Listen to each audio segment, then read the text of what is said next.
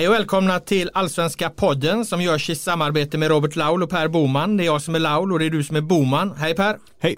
Idag ska vi rusa vidare i den här galna fotbollsallsvenskan som brinner och glöder i båda ändar. Spaningar och annat hinner vi inte riktigt med just nu utan det gäller att fokusera på det som händer och sker. Och vi ska börja med Malmö FF som lyckades vinna mot AFC Eskilstuna borta men det satt väldigt långt inne. Du var där Boman. Ja, jag var där. Eh, det var man, kan, man glömmer bort det när laget väl vinner, men det här, var, det här var definitivt en match som skulle kunna ha förstört Malmös säsong. Eh, jag var helt inställd på det i 72 minuten, liksom att nu, nu, är, nu är det över för Malmö. Du gjorde misstaget att räkna bort Anders Christiansen ja, alltså. Som den idiot man är. Men, nej, men jag, jag, tycker att det var, eh, det var kul att se AFC. Alltså de, jag kollar upp det, på de senaste åtta matcherna innan den här matchen så har de släppt in minst två mål i varje match. Så det var inte så att den här försvarsinsatsen kom, att den var väntad. Tvärtom så var den eh, oväntad och eh, det var ett slags 5-2-3 de ställde upp med. Det var eh, väldigt disciplinerat, de var låga, småfula. Saulius hade gjort ett styvt jobb med att, med att, med att Vilken Saulius? Ja, det vet fan vilken Saulius. Men han hade åtminstone gjort ett, eh, ett väldigt bra arbete med laget. Så jag upplevde också att Eh, upplevde dock att Malmö började bra första fem minuterna. Då trodde jag att de skulle köra över AFC fullständigt. Det var ett jävla fart i spelet och AFC hängde inte med i överflyttningarna och det, det var liksom håligheter och sådär. Men sen så lyckas de bromsa upp matchen på ett sätt som jag tycker var eh, smart och imponerande. Jag tänker att det kan ha att göra lite med Malmös wingbacks, Berget till vänster och och eh, Bejmo till höger. Jag menar när Berget är till höger så tycker jag det ändå funkar bra liksom. Och jag vet att Berget var grym som, wing, eh, som, som vänsterspringare slash centrerande vänsterspringare i CL-kval för några år sedan. Så jag vet att han kan den positionen. Men jag tycker inte att han funkade så bra just den här matchen. Framförallt Felix Bejmo, eh, man ska liksom inte såga enskilda, eller ja det kan man göra, men, men, men, man kanske ska undvika det. Men jag tycker fortfarande att han inte har haft en match som har varit över svaga 2 plus sen han, sen han kom till Malmö. Eh, och eh, på det sättet så hade det ju varit, Eh, ja inte varit något superkap än så länge med tanke på att han ju bara är ett lån för resten av säsongen. Så, så jag, jag upplever att, eh, att eh, det var ett av problemen att wingbacksen var, mm, ja, de, de, alltså, i Bejmo i Djurgården var ju han en, liksom en vinthund som bara löpte liksom. Han, varenda gång det fanns möjlighet att överlappa, varenda gång det fanns möjlighet att komma ner mot kortlinjen så var han där. Jag, jag tycker att han inte alls har den kraften just nu och han ser lite nervös och, och eh, defensiv ut. Eh, och det är inte så att Malmö behöver vara fem backar på en linje direkt mot AFC så att jag, jag tycker att det var ett problem där. Även om anfallsparet, det känner ju som att jag mobbar folk på en skolgård lite så, det ska man inte heller göra, men jag tycker fortfarande att Målins och Antonsson eh, har ett obefintligt samarbete när de spelar ihop. Mm. Det ser inte bra ut alltså. Eh, mål, eh, Antonsson, han kan ju inte bidra med något djupledshot mot så lågt motstånd och han har ingen känsla alls var, varifrån farligheterna ska uppstå på, i straffområdet som man ändå tycker att det är det han ska kunna som anfallare. Och eh, Malins eh, fokuserar återigen mycket på att backa in i motståndarna med sitt episka targetspel som han såklart har blivit mycket bättre på. Men det är ju inte bra om det är hans 90% av hans eh, av det han gör, liksom att backa in och ta emot och vända. Nu skulle han ju haft en straff när han gjorde det vid ett tillfälle, så det var ju skickligt. Men nej, jag, jag, framförallt så är problemet att de inte har något samarbete överhuvudtaget. Så det, det, det, det, man bävar ju för den dagen, antar jag, som Malmö FF-supporter för när, när Rosenberg lägger ner för gott. För att just nu, det där håller ju inte nästa år om de ska starta ihop. Nu har du gått väldigt detaljerat mm. in på det då. Om man ställer den detaljerade liksom analysen mot eh, övers det översiktsperspektiv mm. man kan ha att Malmö kommer härifrån ett derby mm. där de ju liksom exploderade i ansiktet på eh, eh, Helsingborg och, och eh, ja, kör över dem på 38 minuter och sen kan liksom samla kraft inför nästa uppgift egentligen. Um, det är det ena. Det andra är att de kommer liksom till då en konstgräsmatta mm. som de ju genuint avskyr att spela på och heller liksom inte gör några ansatser att, att, att liksom försöka eh, besegra sina plastdemoner utan de spär ju snarare på det liksom och tar varje tillfälle i akt att, att, att eh, såga konstgräs. Mm. Annars, man har ju sett lag som aktivt jobbar på att prata bättre och förhålla sig mm. bättre mm. till, till konstgräs just för att, att, det, att det liksom inte ska bli en negativ grej och förstärka det, det negativa. Malmö gör ju tvärtom liksom. De, de mm. avskyr det här innerligt och passionerat. Mm. Och det kan man ju tycka hedrar dem. Um, är de två bitarna den är liksom eh, mentala aspekten i form av explosionen mot, mot eh, Helsingborg, en möjlig reaktion på det och underlagsfrågan. Är det det liksom som gör att det till slut bara blir 1-0 och att det blir en så svår match för dem och att de här då detaljerade situationerna som du beskriver på personalnivå så mm. att säga uppstår. Ja men det är bra att du tar makroperspektivet, det, det uppskattas. Men, men jag, jag håller med om det. Jag, jag, det jag tänkte komma in på det att det är ju, jag tror också att själva rotationen är det som gör det. Alltså därför jag gick in på Bejmo och, och Målins och Antonsson och så vidare. För de har ju ett innermittfält den här matchen som är så bra som, eller väldigt bra såklart. Varsho spelar inte men de kör ju Lewicki, Tröjsason och, eh, och Christiansen så där var det inga problem egentligen. Bara att eh, jag upplever att anfallarna och wingbacksen inte gav dem de, den hjälpen som de hade behövt för att verkligen nysta upp ett så pass lågt försvar. Och ja, de hatar konstgräs men det jag vill säga är att jag upplevde inte att Malmö blev barnsligt frustrerade för att de inte fick in bollen. Det kan man ju tänka sig att de känner sig att det är liksom ovärdigt Malmö att spela på den inför typ tusen pass på, på den här Tunavallen som är öppen i alla hörn och på det usla konstgräset sådär. Men jag upplevde inte att det fanns den typen av eh, eh ja, att, att, att, jag eh, tyckte inte de blev liksom eh, barnsliga eller, eller, eller frustrerade på ett löjligt sätt utan de, de fortsatte faktiskt att försöka rulla runt och rulla runt och hitta ytor hela matchen. Det funkade inte så bra men de, de fortsatte hela tiden upp, försöka upprätthålla ett högt speltempo. Eh, vilket gjorde att de fick till en forcering sen också med 15-20. Till skillnad från vissa andra lag så lyckas ju Malmö alltid, även om de inte gör en grym match så lyckas de skapa eh, ett eh, ett rejält tryck mot slutet för att de har sitt inläggsspel till exempel och för att de har sitt, eh, sitt sätt att våga flytta upp hela laget. Jag menar, de tre mittbackarna stod på halva, halva offensiv planhalva liksom och fördelade spel och till slut kommer det ju hända någonting då ju. Så, att, eh, så jag tycker att det fanns något metodiskt över det som var, som var bra. Så. En äh, fråga som kanske kan vara svår att svara på men jag ställer den. Eh, hur mycket påverkades Tröjstason av att Rex inte var med?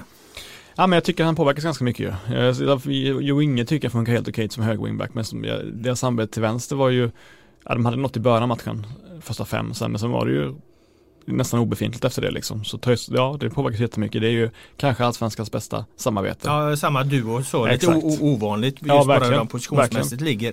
Eh, så. Sen eh, det, det jag, för jag kom in i den här matchen, jag hade jobbat med, med andra matcher och kom in i, i någon gång i andra halvlek. Mm. Och jag blir ju lite imponerad av när man ser eh, förändringar som får en matchvinnande effekt. Mm. Och, och nu, nu, ska vi kolla så det här verkligen bara är en förändring. Men jag upplever det som att Rösler aktivt knuffar in mer eller mindre Eh, inte fysiskt men, men eh, med, med direktiv Han knuffar mer eller mindre in eh, Christiansen i straffområdet i en högre utgångsposition. Mm i att han ska ha mer boll, i att han ska hitta mer av, avslutslägen ju längre den här matchen lider. Eh, mm. är det så eller mm, är det absolut. liksom en efterhandskonstruktion nej, bara för att han gör målet? Nej, jag tror att det verkligen stämmer. Det blir någon slags 3-6 raket när man stoppar in Bachirou på innerfältet. Lewicki tar steget ner som eh, högermittback och är ju, kan ju sköta uppspel därifrån på ett jättebra sätt. Erik Larsson blir wingback och är fem gånger bättre än vad Bejmo var, slår inlägget också. Mm. Och Christiansen kan gå ännu högre upp. Så att eh, ja, det, jag tycker att det stämmer. Så att det var jätte... En coachseger då? Ja, på något plan. Sen, var ju, sen gjorde han ju också, Roman Gall kom ju också in och ja. det var ju inte lika bra om man säger så. Så jag tänkte bara säga det att eh, man förstod, alltså självklart betyder det här jättemycket för Malmö, alltså det betyder enormt mycket för, för Ove Rösler. Jag tänkte ta Roman Gall som ett exempel. Jag tyckte fan nästan synd om honom. Alltså han ska ju vara en konstgrässpelare i Malmös trupp som kan komma in och dominera sådana matcher sett till vad han har för förmågor men det, går, det funkar inte riktigt för honom. Han, han klarar inte av det eh, som han gjorde förra hösten när han var jättebra, jättebra rotationsspelare. För han är ju helt iskall då.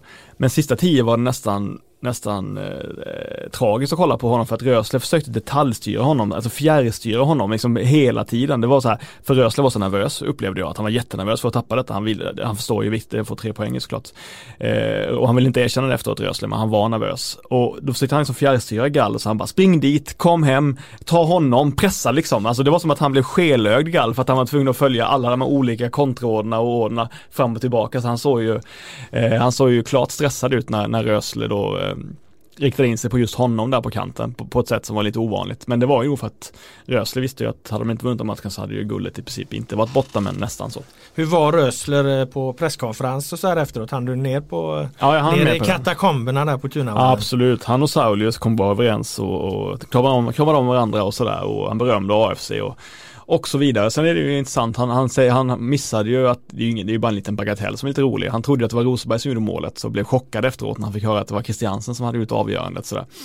Eh, och numera på presskonferenser så skickar man ju in citat eh, ofta liksom eh, live liksom direkt när de säger det så skickar man in citat för att det går så snabbt i dagens medievärld att man ska snabbt ta ut någonting i texterna, citat från på plats sådär.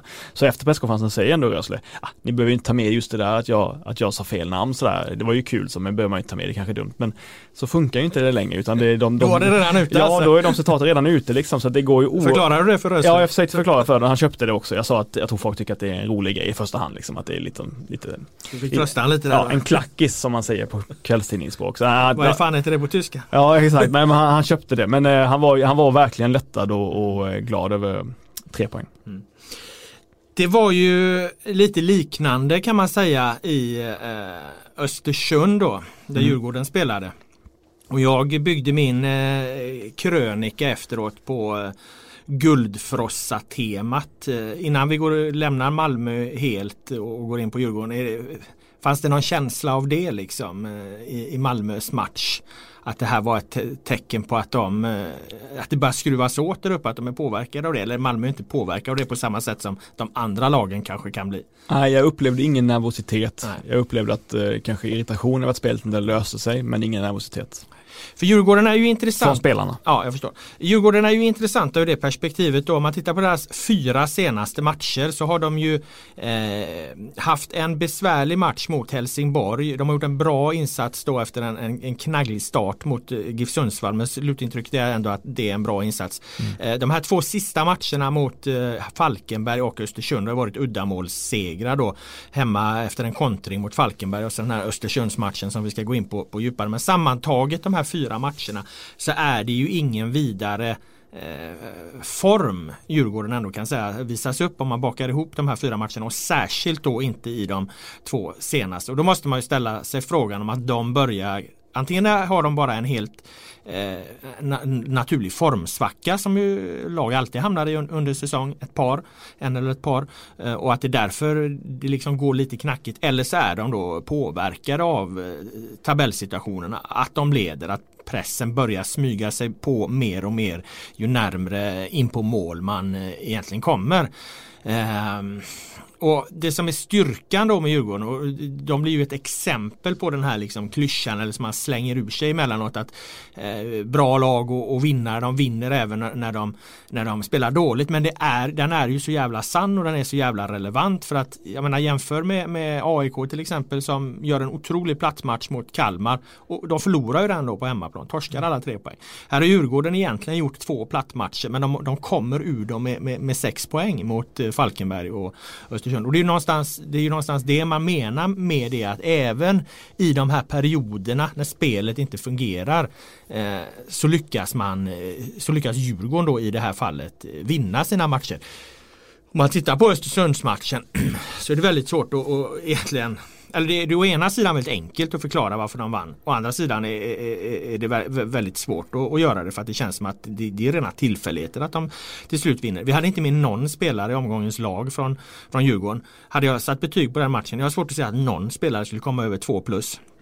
Mm. Eh, samtidigt så vinner de ju då på två fasta situationer. Det är ju två hörnmål de trycker in. Mm. Och Tittar man på Djurgården så är, nu har inte jag räknat på detta, men de är väl, eller var i alla fall, det lag som hade gjort flest mål på just fasta situationer, på just hörnor, mm. på just nickar då som mm. andra målet var. Så att det som å ena sidan känns som totala tillfälligheter i en match där ingenting fungerar är någonstans också fullständigt jävla logiskt. För att det, det, är så här de också kan vinna sina fotbollsmatcher. Lite som Malmö där Rösler knuffar in Anders Christiansen i offensivt straffområde mer och mer ju längre matchen går för att han är en spelare som avgör matcher. Så att någonstans så ser man de här liksom som kan kännas som tillfälligheter, detaljer. Men det finns ändå någon form av systematik i det. Mm. Var det Ja men vi har ju sagt, vi, har ju, ja, vi visste ju att ÖFK gjorde en bra insats mot Örebro som de inte fick med sig någonting från men ändå har vi ju pratat om att ÖFK inte kommer ta någon poäng mm. till på resten av säsongen. Men de är imponerade på något plan då mot Djurgården? Ja, jag har ju varit uppe på den här eh, rättegången också mm. och jag träffade Daniel Kindberg då redan till frukost. Jag gick faktiskt fram och sa till honom att fan jag har trott att Östersund tar fan inga fler poäng alltså. Men nu efter den här matchen mot Djurgården så undrar jag om de inte kommer klara er ändå. Mm. För att det här var, nu såg inte jag, nu har jag bara sett delar av Örebro-matchen, eh, mm. Östersund. Men, men, jag har sett ganska mycket av Östersund senaste tiden och det är ett klart steg framåt mot Djurgården. Mm. Eh, de är, jag tycker att de är ett, ett spelmässigt ett, ett, eh, bättre eh, lag. Och den, de, den som imponerar oerhört mycket är den här Jordan Atta Kadiri längst fram. Mm. Alltså. Han har ju, gör ju ett, ett fint mål men det är egentligen hans chans att göra 2-0 i slutet av första halvlek. Jag vet inte om du har sett den, den målchansen. Alltså den, det jävla rappa avslutet han får till. Mm. Mm. Vajo tittar ju fortfarande efter den bollen. Det small ju bara tätt över ribban. Mot de mittbackarna också. Ja, ja. Så att, eh, och han gjorde överlag, han var klart bäst på plan. Mm. Och, och, han har inte gjort så många matcher tidigare. Nej, han är ju inte gammal. Alltså. Nej, född 2000. Ja, så det var en jättefin eh, spelare och jättefin insats.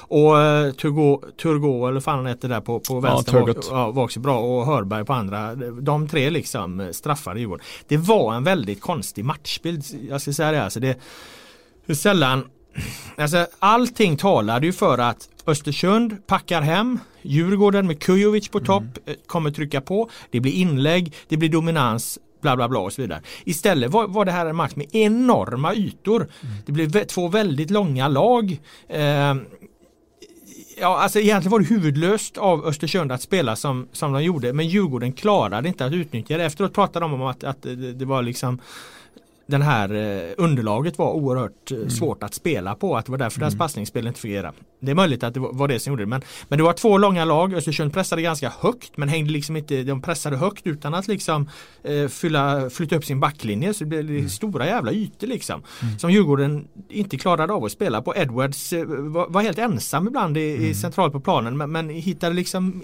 ingen att spela till. Och då blir ju inte Kujovic blir ju inte det bästa valet i det läget.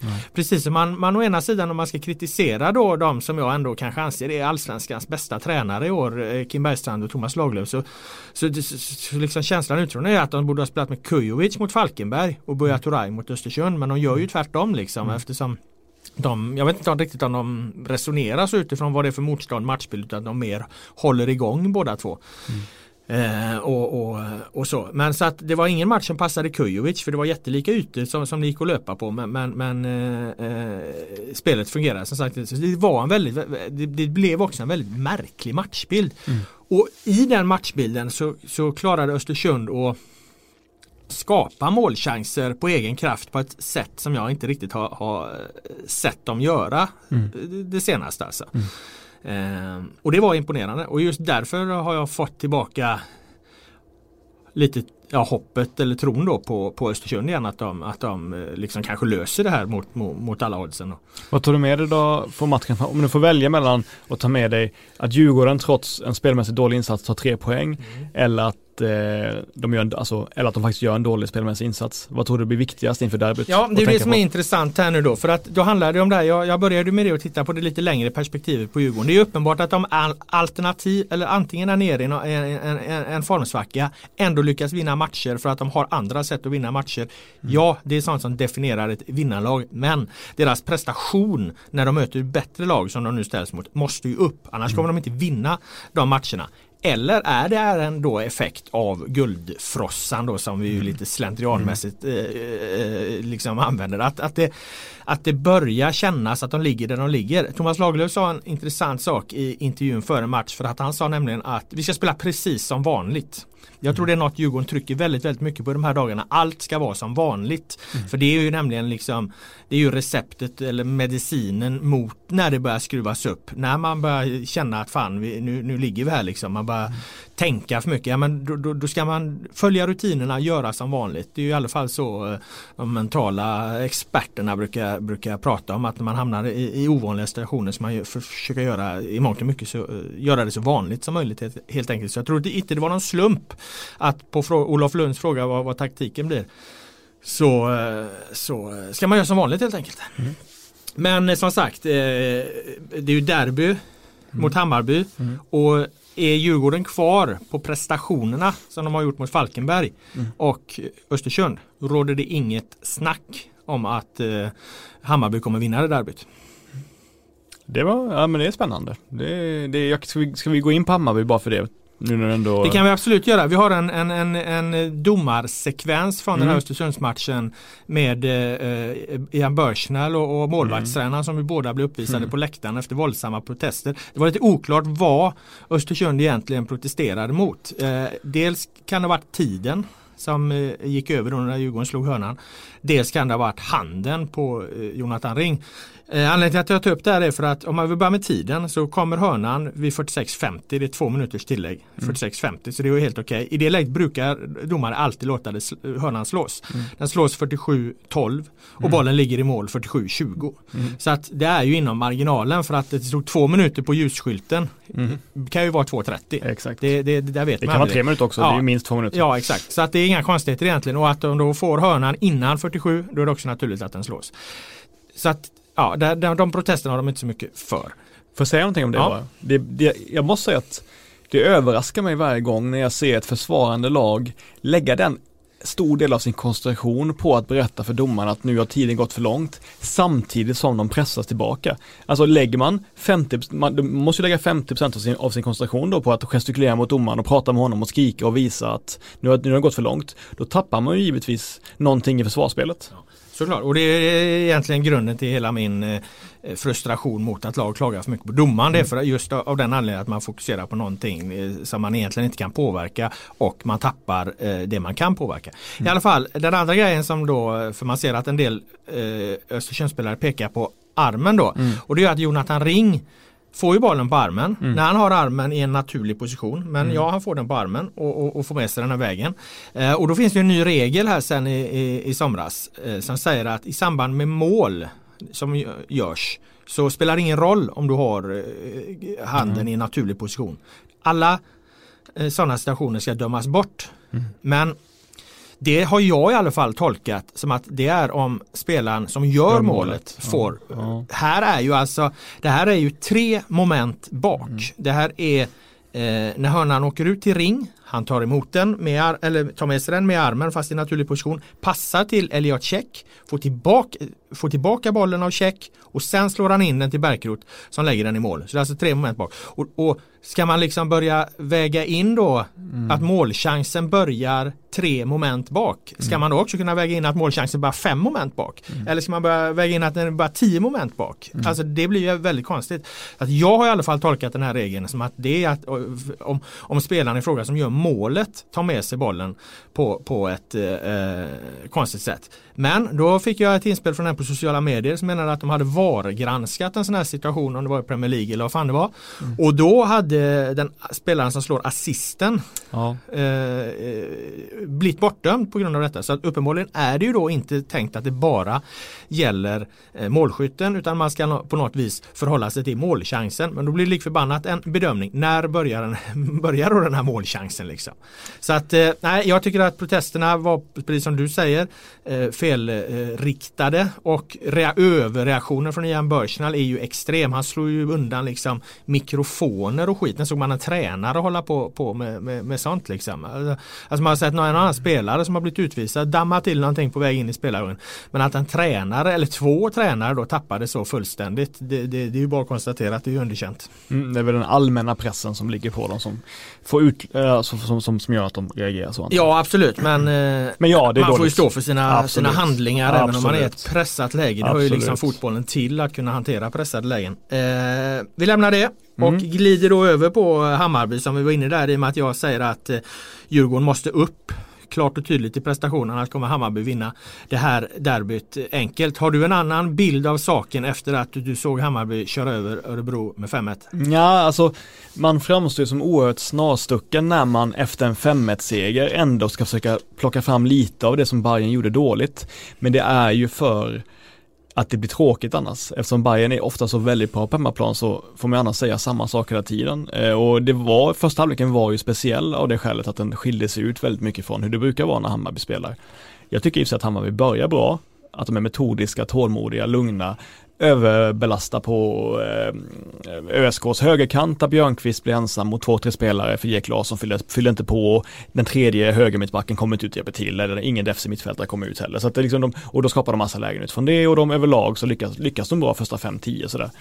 Eh, men sen så gör ju eh, ÖSK mål också eh, via Victor Podell. Eh, han cykelsparkar in en boll och det hade man ju inte väntat sig eh, direkt att det skulle hända. Men, men eh, han gör det för att jag tycker att det finns ett de, de, det finns en yta bakom de båda innermittfältarna, Bojanic och eh, Junior som jag tycker att de, och så vågar inte mittbackarna vara tillräckligt aggressiva, det är väl ett växelspel där vi, som gör att eh, ÖS, Ö, förlåt nu, Örebro vid åtskilliga tillfällen kan komma i bra spelvändningar och löpa mot en ganska isolerad och desorienterad Hammarby-backlinje. Det hände kanske fyra gånger i första halvleken.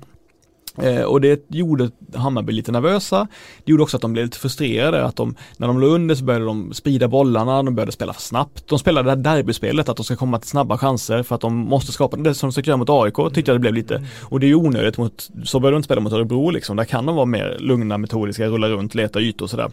I ett högt tempo såklart. De tog fram jokerfotbollen ja, alltså. precis. Mot, när de inte mötte Batman. Exakt, exakt, och det tyckte jag var lite, lite onödigt då. Så att det, det framförallt så, på grund av att det blev lite sådär hafsigt så, så bet ju inte heller pressspelet alls. Det har ju mycket för att Jeppe Andersen är borta också. Han är ju liksom flockledaren där som ofta leder den på ett väldigt bra sätt. Och, och när den inte heller bet alls under kanske en 20 minuters period i första halvleken, då, då så helt plötsligt Hammarby ut som ett mänskligt lag igen. Nordin Gerzic som är ju en av de allsvenskans mest rutinerade spelare, han, han var liksom magnifik under, under perioden när han kunde vända ut och in på den här halvhjärtade pressen och, och rulla runt tillsammans med sina tre mittbackar och, och liksom dödade den pressen genom jättemycket bra, fina aktioner. Samtidigt som de då var väldigt bra på omställningarna. Så att jag tycker Örebro var eh, väldigt bra i den, i den första halvleken och eh, förtjänade att ha ett kryss med sig, så de var inte bättre än Hammarby, men de förtjänade att få ett kryss då.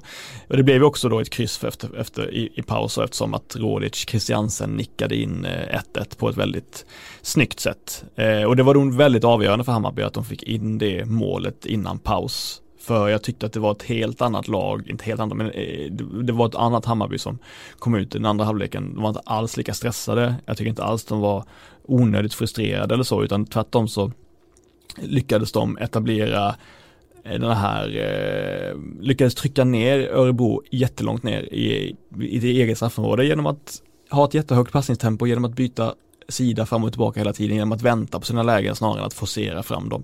Samtidigt som Magyar och, eh, och Fenger pressade på jättehögt upp på, på, på, sin, på, på Prodell och på, på, på yttrarna och tog tillbaka bollen hela tiden.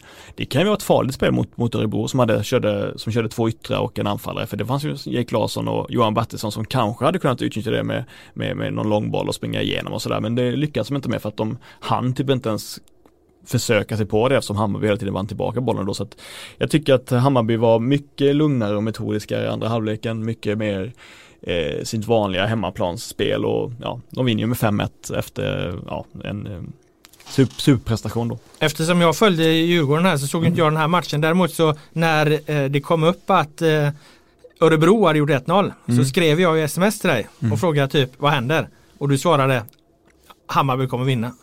ja. Något i stil med det. Så att det, känslan måste ändå, även om du nu har hållit en lång utläggning om Örebros förtjänster och Hammarbys mm. problem, så verkar det ju som du ändå satt med känslan eftersom du direkt svarar att Hammarby kommer vinna det här i alla fall. Det var precis när Örebro har gjort 1-0. Samma mm. sa ju gubben i reception här som är en stor Hammarby-supporter att han hade varit på läktaren liksom. Och normalt eh, när Hammarby, ja men normal Hammarby-mentalitet är att åker man, hamnar de i underläge då är matchen körd. Mm. Nu satt de bara där på läktaren och väntade på, på vändningen. Nej exakt, för menar, det här var första gången som Hammarby låg under på hemmaplan sen hemmapremiären mot Kalmar. Det har inte hänt tidigare så jag, jag funderade ändå på hur det skulle kunna påverka dem. Och de blev lite stressade, men trots att de blev stressade och mer hafsiga så skapade de ju 5-6 mm. bra lägen ändå i den första halvleken, trots att de spelade dåligt. Och det var det som fick mig att känna liksom att, ja, nej, eh, när de väl, om de skapar så mycket lägen, även om de spelar dåligt, så kommer de ju skapa 10 chanser i andra halvlek de, om de spelar lite bättre. Och det gjorde de också ju, så att det var väl det, det, väl det som, som, är, som är grejen, att man, man börjar liksom nagelfara Hammarby och leta efter efter problem i spelet eftersom man är så ovan vid att se dem men, men då kanske man missar, vad säger man, man missar eh, skogen för alla träden eller tvärtom eh, så, så, så säger man ju och då, och då eh, kan det bli lite skev analys sådär men, men för att eh, i grunden så, jag menar Bojanic är ganska slarvigt, tappar massa boll och har inget vidare samarbete med, samarbete med Junior i första halvleken. Ändå ser han till, ensam till att Hammarby skapat typ fyra stycken kanonlägen. Men det är inte Bojanic, gör han inte ett eller två till och med kanske ganska grova bolltapp per match? Han, han har gjort det hela säsongen eh, i princip. Men han, han har ju sådana enorma kvaliteter så att det, det väger ju upp. Men jag fick bara upp en snabb eh, mm. bild här nu av att han, han tappar boll mot eh, eh Falkenberg på gräsmatchen där i början. Mm. På, på konstigt att han tappar boll mot Blåvitt vid något tillfälle. Eh, han, han, har ett par sådana eftersom som han har den utmanande spelstilen. Och det, jag, jag tror att han gör det ofta i början av matcherna. Jag vet inte, var det här i början av matchen? Ja det var ju första, ja, det var första 20 Ja, ja, ja. Och, och, så att jag, jag tänker att han kanske är lite slow starter så på det sättet eller så har motståndarna en liten högre intensitet i sin press där i början. Och, och då kan han åka på ett och annat sånt. Sen så är ju det här en, en, en detalj i helheten Bojanic men, men jag bara tänkte på den. Jag tycker det är intressant men det är ju som Hammarby som lag kan man säga de har råd att släppa in ett eller två mål per match för att de gör så mycket. Bojanic har råd att tappa bollen ja. vid ett eller två tillfällen. Ja, Hammarby 2019 rinner ju mångt och mycket ner i, i Darijan eh, Bojanic som mm. någon form av liksom symbol för det här Hammarby. Väl på väg att bli någon form av eh, kultspelare, väl för tidigt att säga, men, men en publikfavorit. Mm, absolut. Nej men som sagt, Örebro, ja förlåt. Nej, jag tänkte fråga om en annan spelare, mm. för att det är klart man hajar ju till på att Rodic smäller in tre efter han har smält in två i, i, mot AIK och varit avstängd däremellan. Eh, och eh, jag har inte gjort så mycket väsen av sig eh, under övriga säsongen och, och egentligen inte under sin tid alls då i, i Hammarby. Hur bra skulle du säga att han var utöver sina mål? Ja, alltså han var, det är ju en intressant fråga. Han är ju inte, han är ingen superdominant spelare utöver målen. Det han är är att han är en laglojal spelare, en, eh, en kille som ställer upp för sina lagkamrater, en person som alltid hjälper Alltså Tankovic hjälper ju inte alltid Widgren på vänsterbacken men jag upplever att Rodic nästan alltid är nere och hjälper Sandberg på högerkanten så att han är ju en han, han är ju bra för defensiven också och han är, han är lojal i pressspelet och sådär. Han är, men han, det är ju inte så att han, han är inte i närheten av de andra anfallsspelarna vad gäller att och, och liksom hitta, ja, han hittar ytor i, löp, i löpningen men han, han är inte den som kan trockla sig fram på små ytor eller, eller bjuda på klapp-klappspel på samma sätt som Tankovic och eh, kanske Niklic eller Nej, Han är ju en, en energispelare på ett annat sätt. Men jag tycker han har förändrats. Jag kommer ihåg, jag har varit med så Från länge. Malmö då? Mm. Ja, jag har varit med så länge så jag kommer ihåg när Rodic kom till Malmö. Det är, så, det är inte så länge sedan, det är 2015 tror jag. Var det så? Ja, ja. Okay. Eh, jag, kommer, jag tror att han debuterade och var, var mot Örebro mm. borta. Mm. Han gjorde sin första match. Och jag, jag tror att jag då skrev det, är kanske dumt att påminna om det här för då kanske det bara valsar runt. Men eh, jag tror att jag då skrev att det här är en gubbe som Malmö snart kan sälja för 80 miljoner eller något i den stilen. Mm. Eh, och det var ju inte så att jag kanske trodde det exakt men det var ett sätt att visa att jag menar de sålde Zlatan och nu har de en ny kanongubbe på gång. Mm. Eh, för han såg fruktansvärt fin ut i sina första matcher eh, mot, eh, mot Malmö där. Men sen så blev det inte riktigt så. Hans karriär har ju tagit sig helt, lite helt andra vägar istället och nu är han ju en annan, eh, lite annan spelare. Då skulle jag säga att han mer var en, en en, en, en, spelare som just löste situationerna på väldigt små ytor. Jag har för mig att det var till och med det jag fastnade för då i Malmö där. Men att han idag är annorlunda. Ja, jag har ändå alltid fastnat vid hans löpkapacitet mm. och mm. styrka i djupled och eh, raka spel liksom. Men jag visst, han kanske, men jag tror framförallt, alltså jag tror bara att vi har devalverat honom Alltså alla runt omkring allsvenskan, alla som kollar, supportrar journalister har devalverat honom lite för snabbt helt ja, enkelt. Eller också så stack hans mjuka fötter ut på ett annat sätt ja. i Malmö 2015 än, än, än vad det gör nu. Så är det nog. Men jag, jag tänker liksom att eh, också att vi har men det blir ju så om, om, om man tänker så här, ja men Khalili går före, många går före, ja men han är väl inte bra längre helt enkelt. Alltså det går ju väldigt snabbt för en att, att sänka en spelare i, i ens egen huvud då, att man känner att han är inte så bra längre. Det kan ju vara helt enkelt varit så att vi har gjort det alldeles för snabbt och att han fortfarande, jag menar han var grym när, eh, när Malmö CL kvalade 2015.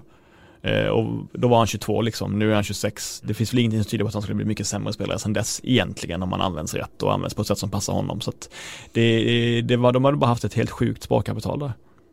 Jag har ju haft en känsla runt Hammarby om att den här liksom vinden är på väg att bli mer eller mindre ostoppbar då. Och mm. Nu har de ju tagit eh, fyra, ja fyra raka är det ju. Tar fyra raka tid som tagit åtta raka och då är de uppe på de här 65 poängen. Um, Mom deserves the best, and there's no better place to shop for Mother's Day than Whole Foods Market. They're your destination for unbeatable savings, from premium gifts to show-stopping flowers and irresistible desserts. Start by saving 33% with Prime on all body care and candles. Then get a 15-stem bunch of tulips for just $9.99 each with Prime. Round out Mom's menu with festive rosé, irresistible berry chantilly cake, and more special treats. Come celebrate Mother's Day at Whole Foods Market. Vad, vad känner du efter, efter Örebro? Nu såg ju inte jag den matchen. Ja, men jag, jag tycker även förra året så var det perioder där man kände att Hammarby kan inte förlora liksom. Eller hur? Det, Mm. det är ofta man känner så. Man, så här är det. I, och i år har man känt som i många lag ju. Eftersom det är så jävla många lag som har långa sviter på mellan fem och tio matcher där de vinner allihopa eller, eller bara kryssar någon. Ehm, men det, ja alltså Djurgården kan de kämpa? De kämpade ju ner Djurgården i vårderbyt med Jeppe Andersson, Jeppe Andersen i spetsen. Det var ju liksom, Bayern är ju ett mycket bättre duellag tror jag än, än man inbillar sig. För man pratar hela tiden om den här offensiven. Absolut. Nu har de börjat sätta defensiven var Mm. min bild. Men det, utifrån highlightsen så såg den lite svajig ut mot eh, Örebro eftersom de släpper till en ganska farlig chans direkt Mm. efter Örebro har gjort Mm. ett 1-0 också. Så att, eh, men, men överlag skulle jag säga att de har satt de- defensiven på ett annat sätt. Eh, Särskilt om de kan ha Viland i mål då. Men, Mm. men mittbacksparet fun- fungerar ju, är ju, är ju bra liksom. Det, det, har du, det har det varit väldiga problem. Men det jag skulle säga är att de är, de är också ett underskattat duellag. Eh, siffrorna från derbyt är oerhörda mot AIK. Alltså de har 57-43 i, i procent då i, i, i duellvinster. Det där brukar skilja på, det brukar vara 51-49 på sin höjd 52-48 ofta i matcherna. Även om det är ganska ojämna lag. Duellerna brukar vara jämna siffror. Här var det en enorm skillnad i duellspelet och, och det fick mig att fundera på att ja, men de, de, de är mycket bättre i duellspelet genom sin då tidiga press. Jo exakt. Och, och det räknas ju med då i det där. Ja de är ju bra i, i duellspelet på offensiv planhalva Ja. framförallt. Där är de jättebra på det. Jag tror inte de skulle ha samma siffror ifall de såklart, Nej, det är en ifall, bra ifall, ifall, bra ifall, något lag fick dem att backa lite liksom. Så att eh, där, hade de nog, där är de nog till och med sämre än genomsnittet på att vinna, vinna dueller liksom. Ja, inte sämre men sämre än de andra topplagen på det. Så det handlar ju mycket om eh, Djurgårdens möjlighet att ta kommandot över matchen. Det här, det här är väl en match som mer än, mer än någon annan kommer avgöras utifrån hur det ser ut de första fem minuterna. Nu har ju inte jag, nu har jag varit borta ett par år Mm. och jag har ju egentligen bara sett ett Hammarby-Djurgården derby på Mm. Tele2. Eh, Det som var här i, i, i våras då. Men jag har inte sett de här under 2018 och 2017. Alltså hur, hur blir det på i de här där, Djurgården har ju hemmaplan då Mm. på pappret. Mm.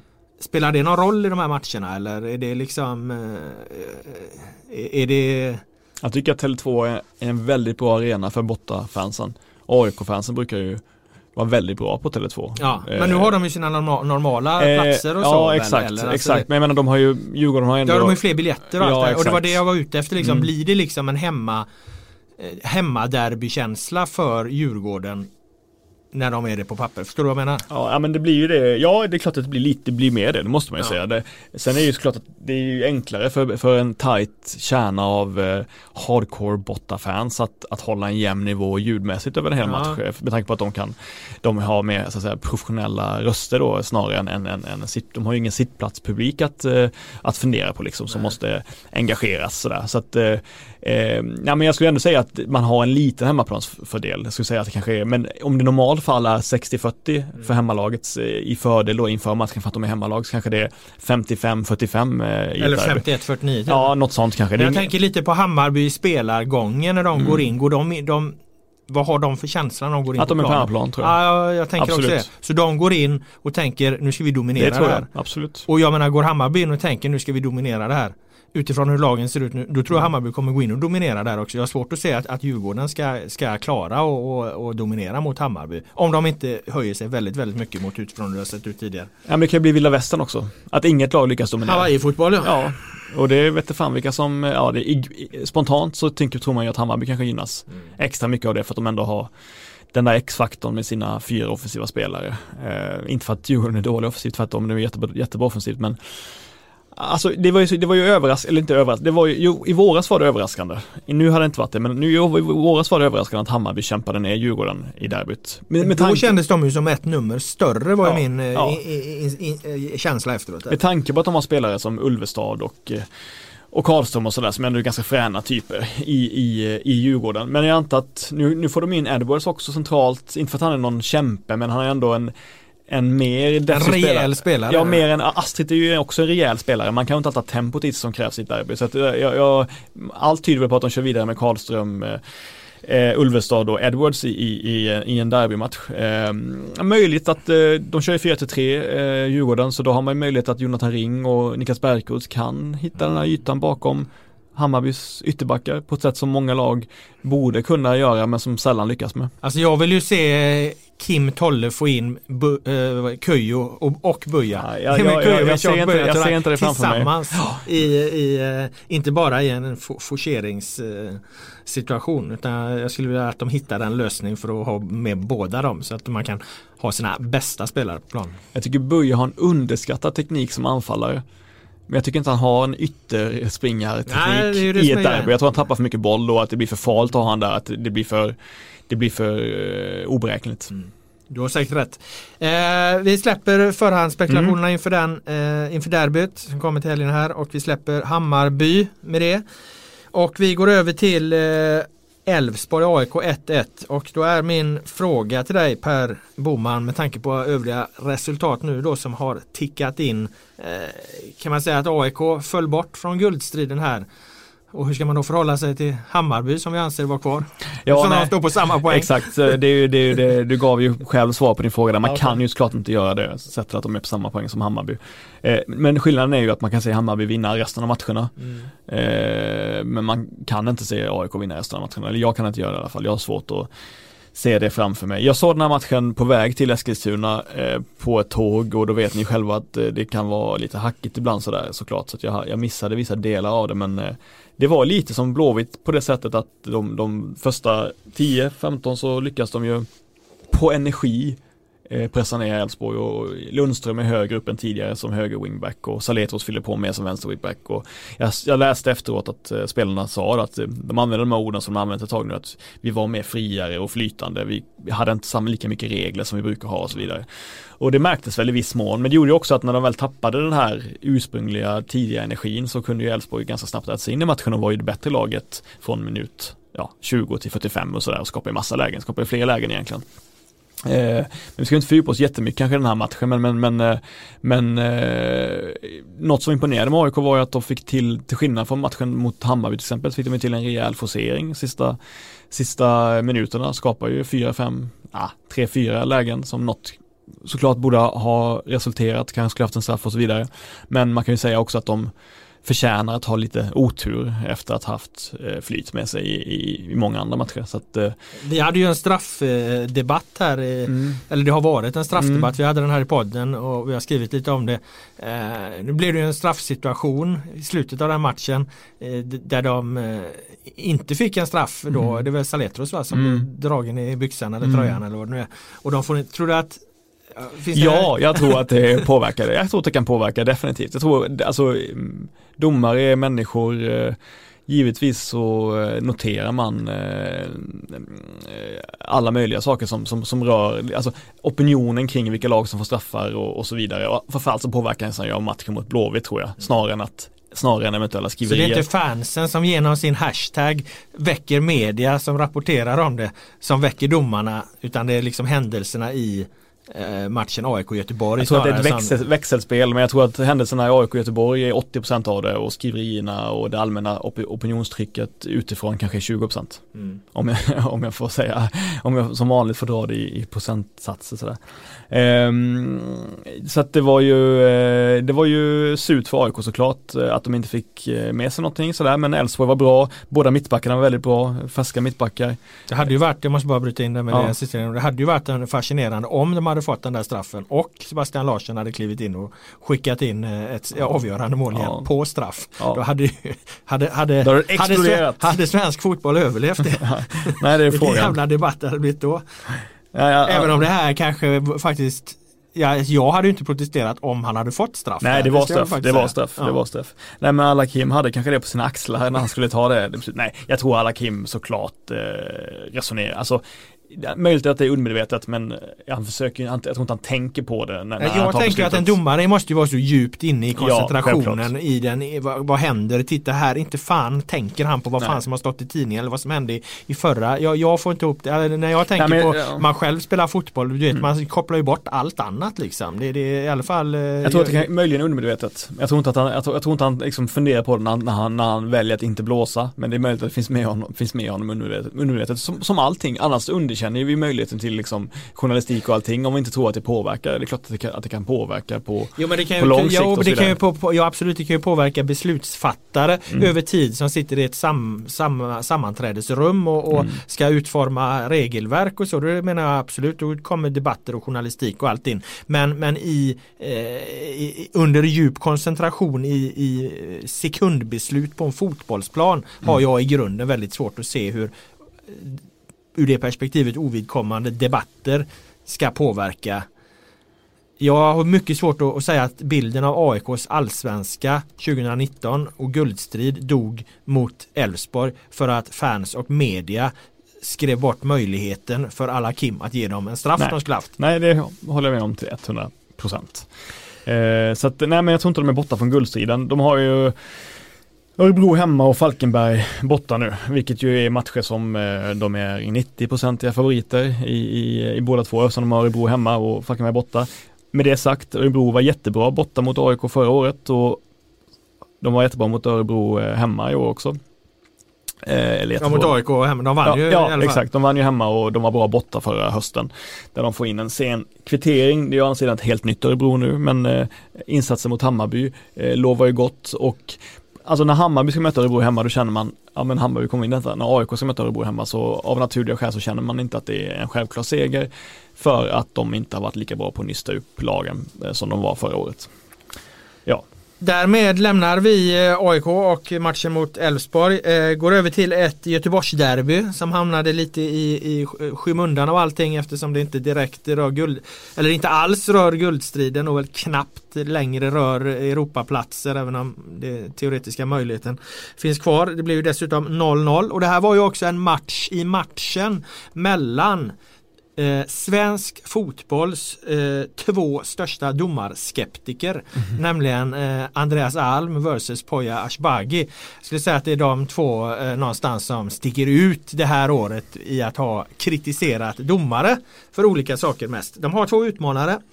Ove Rössler som på ett lite mer lågmält sätt under säsongen har eh, kritiserat mycket och Jesper Jansson som på ett väldigt högljutt sätt Fast framförallt då kanske tidigare under säsongen har eh, sågat domarna. Och det är intressant om man tittar på vad då eh, liksom huvuddelarna i de här fyra personernas kritik egentligen eh, handlar om. För att Poya Ashbagi anser ju att IFK Göteborg blir bortdömda i Stockholm.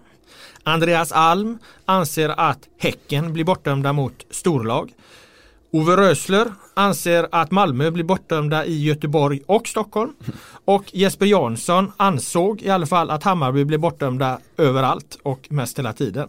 Så det, det, det, är liksom, det finns ett väldigt geografiskt perspektiv i det här förutom då Alm som har med den här storklubbsdimensionen på sin domarkritik. Så ble, vilka blev bortdömda i derbyt? det var- Framförallt. Ja, det var ju det som var intressant då för att jag, eh, eftersom då de här mest pratar om domare och många av deras fans, i alla fall på sociala medier, pratar väldigt mycket om domare så kan vi skita i fotbollen då för den verkar ju folk inte vara så jävla intresserade av när de här lagen spelar. Utan kan vi prata om, om domarsituationerna då istället och efter matchen.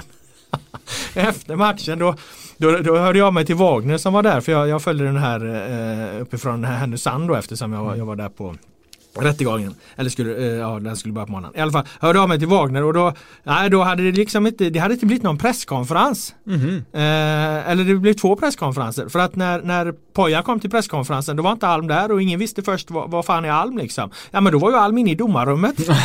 då var han inne hos Bojan Pancic såklart och, och skulle dividera honom och sitt situation där. Så han kom inte ens till presskonferensen. Så han kom senare efter Pojas presskonferens och då höll han en egen presskonferens där han menar på att nu hade, Boy, nu hade då Pansik erkänt att han hade gjort fel i någon jävla situation där. Så att det kunde vi då journalisterna fråga eh, eh, Bojan Pansik om, då, om den här situationen för han ville liksom inte uttala sig om det för han förstod hur det ser ut. Eh, och Poja ägnar i sin tur då sin presskonferens åt att gny om att eh, Blåvitt hade gått miste om en straff då mm. på, på Lasse Vibe där. Så att eh, ja, det var väl egentligen inget, inget, inget nytt under solen. Eh, och vad, ja, vad fan var din fråga? Vem som, nej, ja, alltså, jag tycker väl att eh, Emil Holm, eh, eh, högerbacken i Blåvitt, om han var liksom planens bästa spelare, en jättefin debut eh, från hans sida. Eh, så skulle jag väl säga att, att Bojan Pancic också var en av de bästa på planen. Eh, visst, det var några situationer där med, med den här målchansutvisningen att, eh, att Dagrassa var siste man och, och, och, då, ska, då ska det vara rött. Och, men han bedömde det annorlunda och det känner han var, var ett misstag. Så. Men, men jag menar, det är för mig inget, inget, eh, ingen situation att slå på stora trumman för. Och, och Lasse Wibes situation där Visst det är en kontakt och jag hade inte protesterat jättemycket om de hade blåst straff där heller men jag ser heller ingen anledning att, att riva upp himmel och hav för att han friade. Så att jag menar överlag gör ju Pansik en, en, en, väldigt bra insats i det här derbyt eh, då som, som också är ett ganska trevligt sätt i spelet. Jag tycker att det är två helt olika storheter i situationer. Man kan inte jämföra en spelare som ska få rött kort med en en halv straffsituation. Jag tycker det, jag tycker det blir, det är ju två helt olika saker. Jag tycker att straff, eh, utvisningen är ju en mycket större sak än att man inte blåser straff i det läget. Det tycker jag, det, det, det känns ändå viktigt för mig att, att eh, en missad utvisning avgör mycket mer än en, än en, en missad straff. Liksom. Ja, alltså det vet man inte men, men det, det stora bestående intrycket av att eh, som jag tycker här är att det är ju så löjligt att de här två personerna lägger så oerhört mycket energi just på de här två situationerna när det har spelats en fotbollsmatch i 93 minuter där ingen av dem har lyckats göra ett spelmål. Där, där inget av lagen har, har, har kunnat genomföra en bättre prestation så att de vinner matchen på e egen kraft. Det blir så fruktansvärt skev balans när man väljer att och, och, och, och liksom med mikroskop zooma in på de här två, två situationerna. De är ju ingenting i, i, i helheten.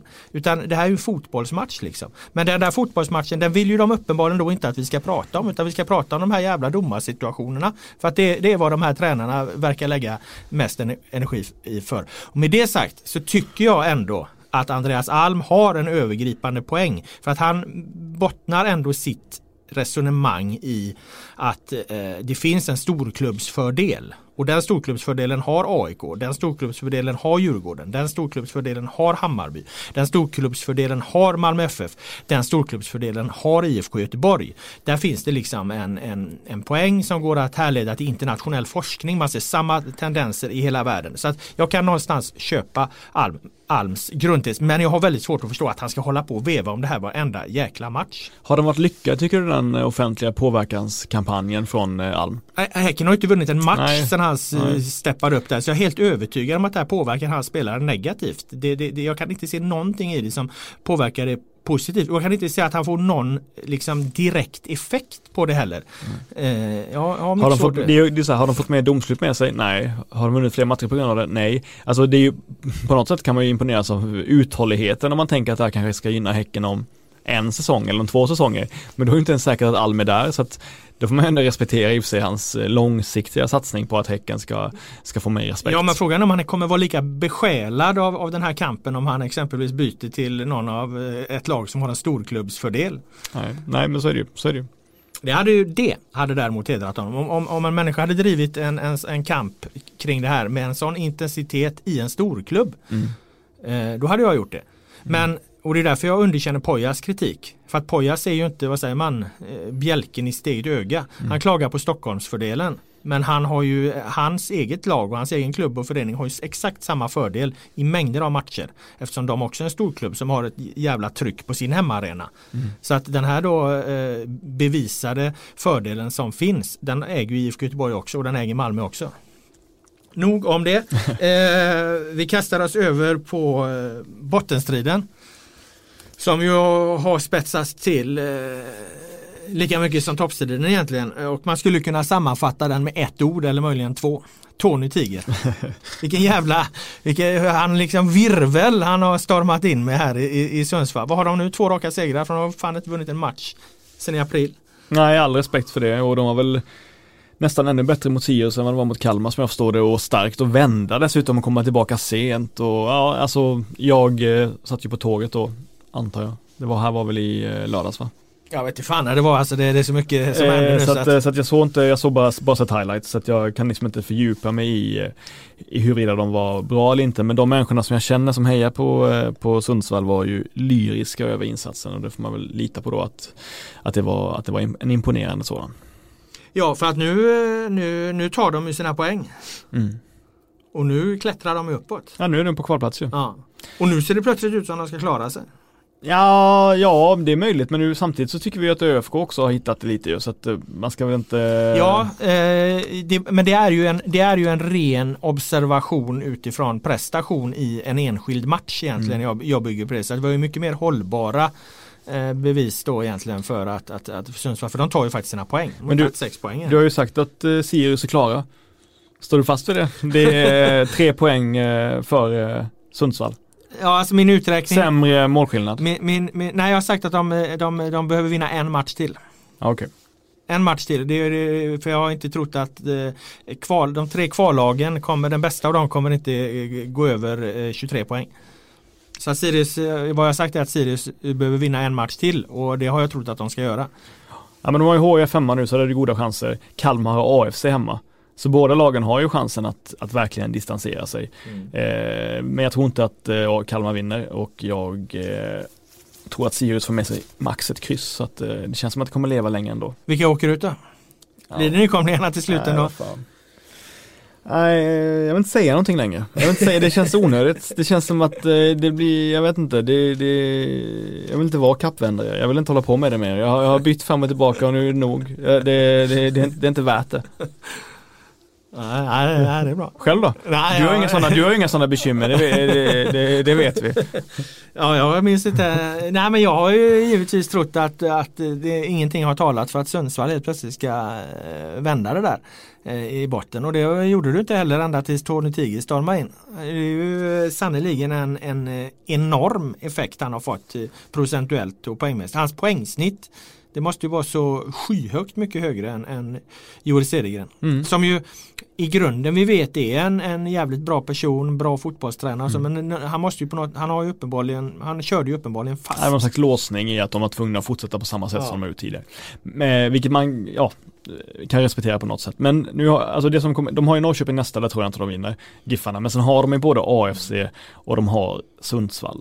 Eh, så att, eller de har Helsingborg. Mm. Så de har ju två matcher där de har alla möjligheter att, att ta tre poäng i någon av dem i alla fall. Så att eh, nej, det lever verkligen så eh, jätteimponerande av Tony G. Vi återkommer till eh, bottenstriden. Vi ska runda av det här med eh, Östersunds FK eh, och den andra kampen, ja inte direkt de då men ja på sätt och vis de är inblandade i. Det är ju då den så kallade eh, Daniel Kindberg-rättegången. Eh, som ju avslutades här nu igår från när vi spelade in detta. Eh, tisdag slutade den då efter 13 ganska långa och eh, informationstäta förhandlingsdagar i Ångermanlands eh, tingsrätt. Vi kan ju direkt säga att alla de här tre som är åtalade då för olika former av grov ekonomisk brottslighet de eh, eh, nekar ju till brott på samtliga åtalspunkter och det var också så deras försvar la upp det i, i slutpläderingarna att han tycker inte att det, det, det finns bevis nog eh, för att fälla och de, de anser då att de inte har gjort sig skyldiga till de här eh, brotten varken då Daniel Kindberg eller den så kallade Sollefteåföretagaren eller eh, PR-mannen. Nu är det fem veckor till dom vilket eh, lät långt men sen hörde jag med Kindbergs advokat Olle Kullinger han sa att de hade räknat med 4 till 6 veckor. Det kan bero på att, att det tar lång tid för rätten, kan bero på att det här är ju ett eh, misstänkt brottslighet då som rör en mängd fakturor. Och då har ju den övergripande diskussionen varit har arbete utförts? Ja, om arbete har utförts då är fakturorna korrekta. Har arbete inte utförts då är fakturorna inte korrekta. Nu har det här landat, hela rättegången slutar ju precis mitt emellan.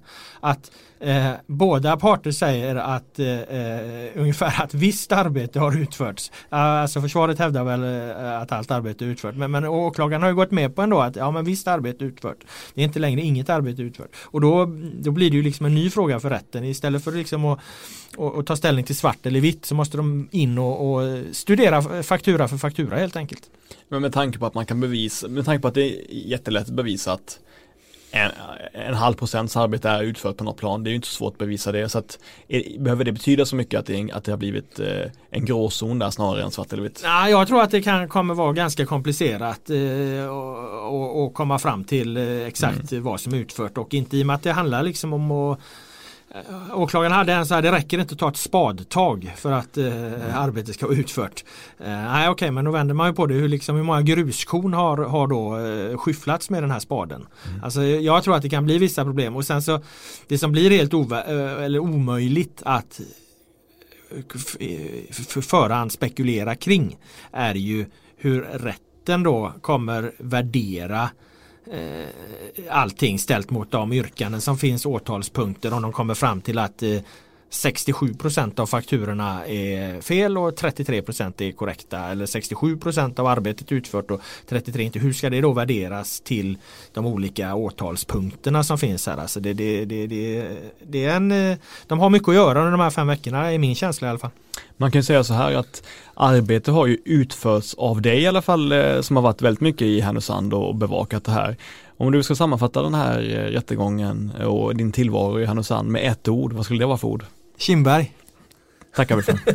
Nej men han, det är klart att den här rättegången i mångt och mycket börjar och slutar med honom för att när allting var klart igår 13 långa tunga förhandlingsdagar.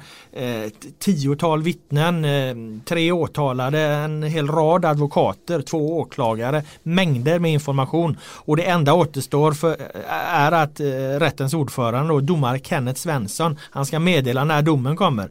Ja då är det en person som reser sig upp. Eller jag vet fan om han reste sig men han begärde i alla fall ordet mycket överraskande. Och det var ju Daniel Kindberg. Han passar på att rycka åt sig det sista ordet här precis innan det, och det sista som händer är alltid att domaren meddelar när domen kommer. Men innan det så bad han om ordet.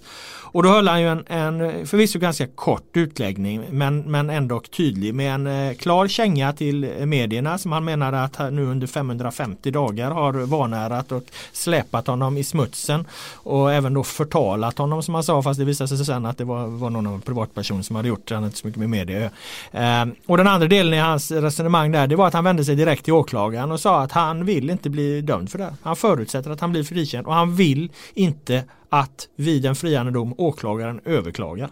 Mm. Så att det, det, sista han sa i rätten var att han vände sig till åklagaren och sa att om det nu, om det nu blir en friande dom så är fan jag överklagar. Och det är lite udda.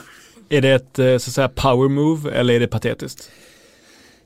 Jag tror att han, eh, han gjorde väl det för att eh, få möjlighet sen att utveckla det så att eh, fokus skulle hamna på någonting som var till hans fördel istället för att fokus då hamnar på någonting som eh, var till hans eh, nackdel. Det är väl så antar jag är det han resonerar. För att det är klart att gör du en, en sån här förhållandevis ovanlig grej så, så är det ju den journalistiska skyldigheten att ställa frågor kring det. Och han har varit väldigt skicklig under den här rättegången ur det perspektivet. Eh, I måndags när det var åklagarnas eh, dag och man kan tänka sig att fokus ska hamna på allt de tar upp då. Då stormar han ut ur rättssalen och sa att åklagaren har, har gjort flera självmål.